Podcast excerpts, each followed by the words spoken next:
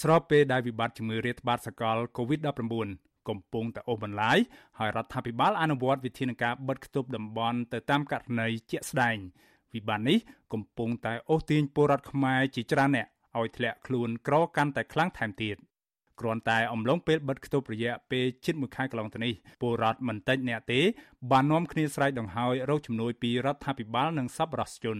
អ្នកខ្លះបានដាច់ចិត្តមិនខ្លាចឆ្លងជំងឺ Covid-19 ហើយជំនះបំរាមរដ្ឋាភិបាលនាំគ្នាចេញតវ៉ាព្រោះដាច់ស្បៀងជាបណ្ដាបណ្ដាព្រោះពួកគេរស់នៅមួយថ្ងៃសម្រាប់តែមួយថ្ងៃហើយអស់អង្គច្រកឆ្នាំង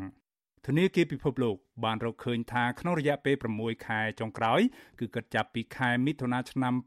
2020រហូតដល់ខែមករាឆ្នាំ2021 ពលគឺនៅមុនពេលមានវិបត្តិផ្ទុះខ្លាំងនៃជំងឺ Covid-19 ចូលក្នុងសហគមន៍ជាលើកទី3ពលរដ្ឋយ៉ាងតិចណាស់150,000គ្រួសារឬស្មើនឹងប្រមាណជាងកន្លះលាននាក់បានធ្លាក់ខ្លួនក្លាយទៅជាអ្នកក្រថ្មីដោយសារតែវិបត្តិជំងឺ Covid-19 នេះអគ្គនាយកផែនការនៃក្រសួងផែនការលោកថេងបញ្ញធនទទួលស្គាល់តួលេខពលរដ្ឋធ្លាក់ខ្លួនក្លាយជាអ្នកក្រថ្មីនេះ ខណៈចំនួនពលរដ្ឋក្រីក្រស្រាប់នៅមុនពេលមានវិបត្តិជំងឺ Covid-19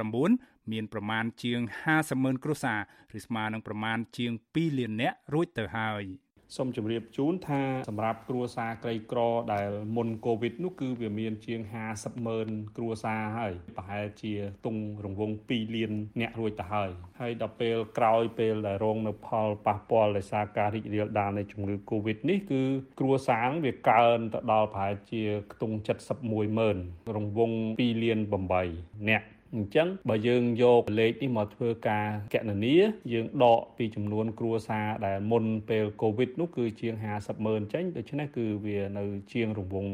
ជាង10ម៉ឺនបាទជាង10ម៉ឺនគ្រួសារដែលដែលកើនឡើងក្រោយពេលកូវីដហើយបើគិតជាចំនួនប្រជាជន គឺវាប្រហាក់ប្រហែលទៅនឹងរបាយការណ៍ដែលធនាគារពិភពលោកបានចេញជារបាយការណ៍លោកថេងបញ្ញធនបញ្ជាក់ប្រាប់អាស៊ីសេរីបន្ថែមកាលពីពេលថ្មីថ្មីនេះថា ក្រុមការងារបច្ចេកទេសរបស់ក្រសួងផែនការនិងភាគីពាក់ព័ន្ធបានសិក្សាចប់សពគ្រប់ហើយដើម្បីធ្វើបច្ចុប្បន្នភាពនៃតួលេខអត្រាភាពក្រីក្រឬចំនួនពលរដ្ឋរស់នៅក្រោមបន្ទាត់ភាពក្រីក្រនៅកម្ពុជានេះលោកថារដ្ឋាភិបាលនឹងបញ្ចេញអត្រាភាពក្រីក្រថ្មីនេះនាពេលឆាប់ៗខាងមុខនេះនៅពេលដែលវិបត្តិជំងឺ Covid-19 ចុះថមថយ។ ជាក់ស្ដែងគឺការងារនេះគឺអ្នកបច្ចេកទេសយើងគឺបានធ្វើចប់សពគ្រប់ហើយហើយយើងបានដាក់ជូនទៅថ្នាក់ដឹកនាំដើម្បីពិនិត្យនិងសម្រេចហើយគ្រាន់តែថាក្នុងដំណាក់កាលនេះគឺយើងដឹងហើយថាប្រទេសកំពុងតែគិតគូរខ្លាំងបាទដោះស្រាយបញ្ហាបន្ទាន់ចំពោះមុខនោះរឿងបញ្ហាកូវីដ និងបញ្ហាជីវភាពប្រជាជនជាពិសេសគឺក្នុងអំឡុងពេលបិទគប់អីទាំងអស់ហ្នឹងអញ្ចឹងទេអាការងារនោះគឺអាចថាក្នុងពេលឆាប់ឆាប់ហ្នឹងឯនៅស្ថានភាពកូវីដដែលវាមានស្រាកអាហ្នឹងគឺគ្រាន់តែដឹងថាក្នុងពេលឆាប់ឆាប់នេះគឺយើងនឹងមានអត្រាភាពក្រីក្រថ្មីសម្រាប់កម្ពុជាយើងជុំវិញបញ្ហាអត្រាភាពក្រីក្រនេះកន្លងទៅ នៅមុនពេលផ្ទុះខ្លាំងនៃជំងឺ Covid-19 ចូលទៅក្នុងសហគមន៍ អង្គការកម្មវិធីអភិវឌ្ឍសហជីវជាតិឬហៅកាត់ថា UNDP បានវិយតម្លៃលើផលប៉ះពាល់ផ្នែកសេដ្ឋកិច្ចនិងសង្គមដោយសារវិបត្តិជំងឺ Covid-19 កាលពីចុងឆ្នាំ2020ថាអត្រាពលរដ្ឋកម្ពុជារស់នៅក្រោមបន្ទាត់ភាពក្រីក្រឬចំណាយតិចជាង2ដុល្លារក្នុងមួយថ្ងៃអាចនឹងកើនឡើងរហូតដល់ជាង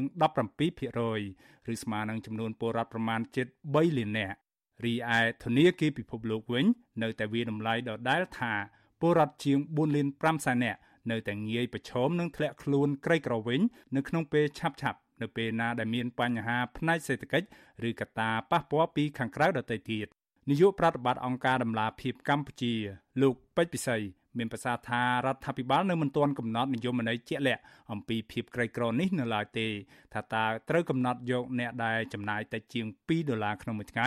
ឬតិចជាង5ដុល្លារក្នុងមួយថ្ងៃឬយ៉ាងណានោះទេព្រោះបញ្ហានេះជាបញ្ហារសើបលោកពន្យល់ថារដ្ឋាភិបាលតែងតែចង់បង្ហាញថាអត្រាភាពក្រីក្រនៅកម្ពុជាធ្លាក់ចុះនិងមានកម្រិតទាប លោកបារម្ភថាអត្រាពលរដ្ឋរស់នៅក្រោមបន្ទាត់ភាពក្រីក្រអាចនឹងកើនឡើងដោយសារតែព្រឹត្តិការណ៍ផ្ទុះរាលដាលនៃជំងឺ Covid-19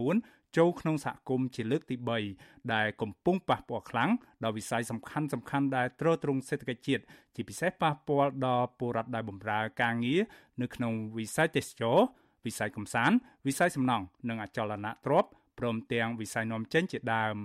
ចឹងខ្ញុំគិតថាភាពក្រីក្រនឹងអាចកើនឡើងកើនឡើងនៅក្នុងកម្រិតណាគឺយើងត្រូវការសិក្សាច្បាស់លាស់បាទហើយយើងក៏បានដឹងដែរថាប្រជាពលរដ្ឋយើងដែលទើបតែនឹងងើបពីភាពក្រីក្រនឹងនៅក្នុងរយៈពេលពី3ឆ្នាំចុងក្រោយហ្នឹងគាត់ទើបតែរឹងដៃរឹងជើងតិចតួចទេគាត់មិនទាន់មានលទ្ធភាពរឹងមាំទេដោយសារគាត់ចាប់ផ្ដើមងើបទៅហើយកូនគាត់ចាប់ផ្ដើមមានការងារធំឡើងទៅគាត់អាចជួយគ្រួសារឲ្យបានដល់ពេលឥឡូវយើងមានបញ្ហាកូវីដហ្នឹងគឺផលប៉ះពាល់អវិជ្ជមានហ្នឹងអាចទាញគាត់ត្រឡប់ទៅរកភាពក្រីក្រវិញហើយប្រជាពលរដ្ឋដែលយើងឃើញតំណែងហ្នឹងគឺមានចំនួនច្រើនដល់ដល់4.5លាននាក់ដែលរស់នៅគៀកទៅនឹងបន្ទាត់ភាពក្រីក្របានន័យថាគាត់ទៅបំផុតក្របន្តិចទេអញ្ចឹងយើងបារម្ភថាបញ្ហាហ្នឹងអាចធ្វើឲ្យគាត់វិលមកវិញណាបាទវិលមកក្រវិញ លោកពេជ្រពិសីពន្យល់ថារដ្ឋាភិបាលត្រូវតែដឹងអំពីចំនួនពិតប្រាកដនៃពលរដ្ឋរស់នៅក្រោមបន្ទាត់ភាពក្រីក្រ ហើយបញ្ចេញតួលេខនេះប្រកបដោយតម្លាភាពដើម្បីរិះរោចយុទ្ធសាស្ត្រឆ្លើយតបនឹងបញ្ហាភាពក្រីក្រនេះ កន្លងទៅ កាលពីចុងឆ្នាំ2018ការកំណត់និយមន័យអំពីភាពក្រីក្រ និងអត្រាភាពក្រីក្រនៅកម្ពុជា បានក្លាយជាសង្គ្រាមពាក្យសម្ដីរវាងអង្គការកម្មវិធីអភិវឌ្ឍសហប្រជាជាតិ UNDP និងក្រសួងផែនការកាលនោះអង្គការអន្តរជាតិមួយនេះបានពិនិត្យមើលភាពក្រីក្ររបស់ពលរដ្ឋកម្ពុជា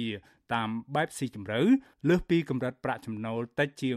1.9ដុល្លារនៅក្នុងមួយថ្ងៃ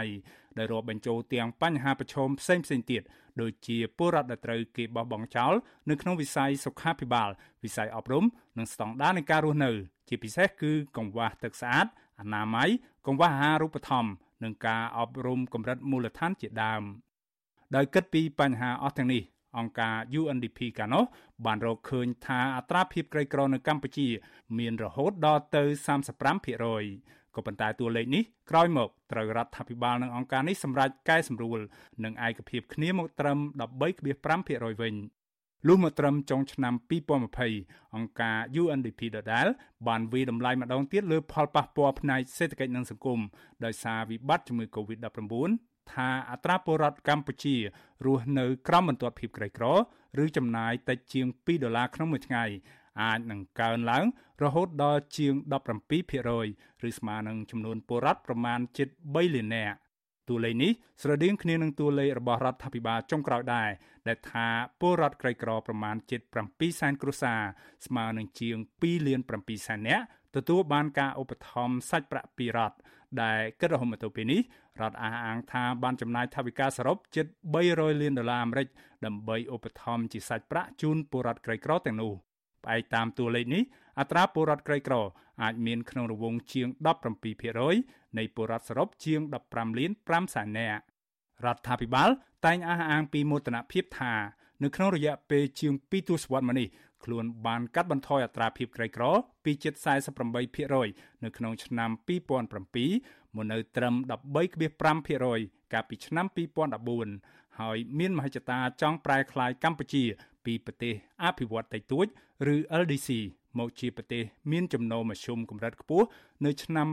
2030និងជាប្រទេសមានចំណូលខ្ពស់នៅឆ្នាំ2050ក៏ប៉ុន្តែរូបភាពនៃពលករចំណាក់ស្រុកខ្មែររាប់លាននាក់អត់ការងារធ្វើនៅក្នុងស្រុករួចរត់ទៅធ្វើការទាំងស្របច្បាប់និងខុសច្បាប់និងធ្វើជាអ្នកសំទានគេនៅតាមប្រទេសជិតខាងហើយត្រូវអាជ្ញាធរបរទេសចាប់បញ្ជូនមកកម្ពុជាវិញស្ទើររាល់ថ្ងៃ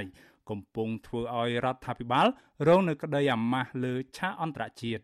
បន្ថែមពីនេះទៀត ពលរដ្ឋកម្ពុជាជាង2លាន4សែនគ្រួសារកំពុងជាប់ជំពាក់បំណុលមីក្រូហិរញ្ញវត្ថុស្ទើរវ៉ាន់កក្នុងម្នាក់ម្នាក់មិនតិចជាង4000ដុល្លាររីឯរដ្ឋវិញគិតត្រឹមដំណាច់ឆ្នាំ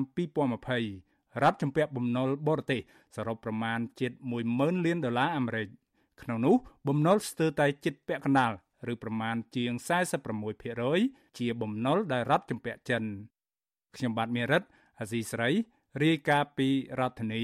Washington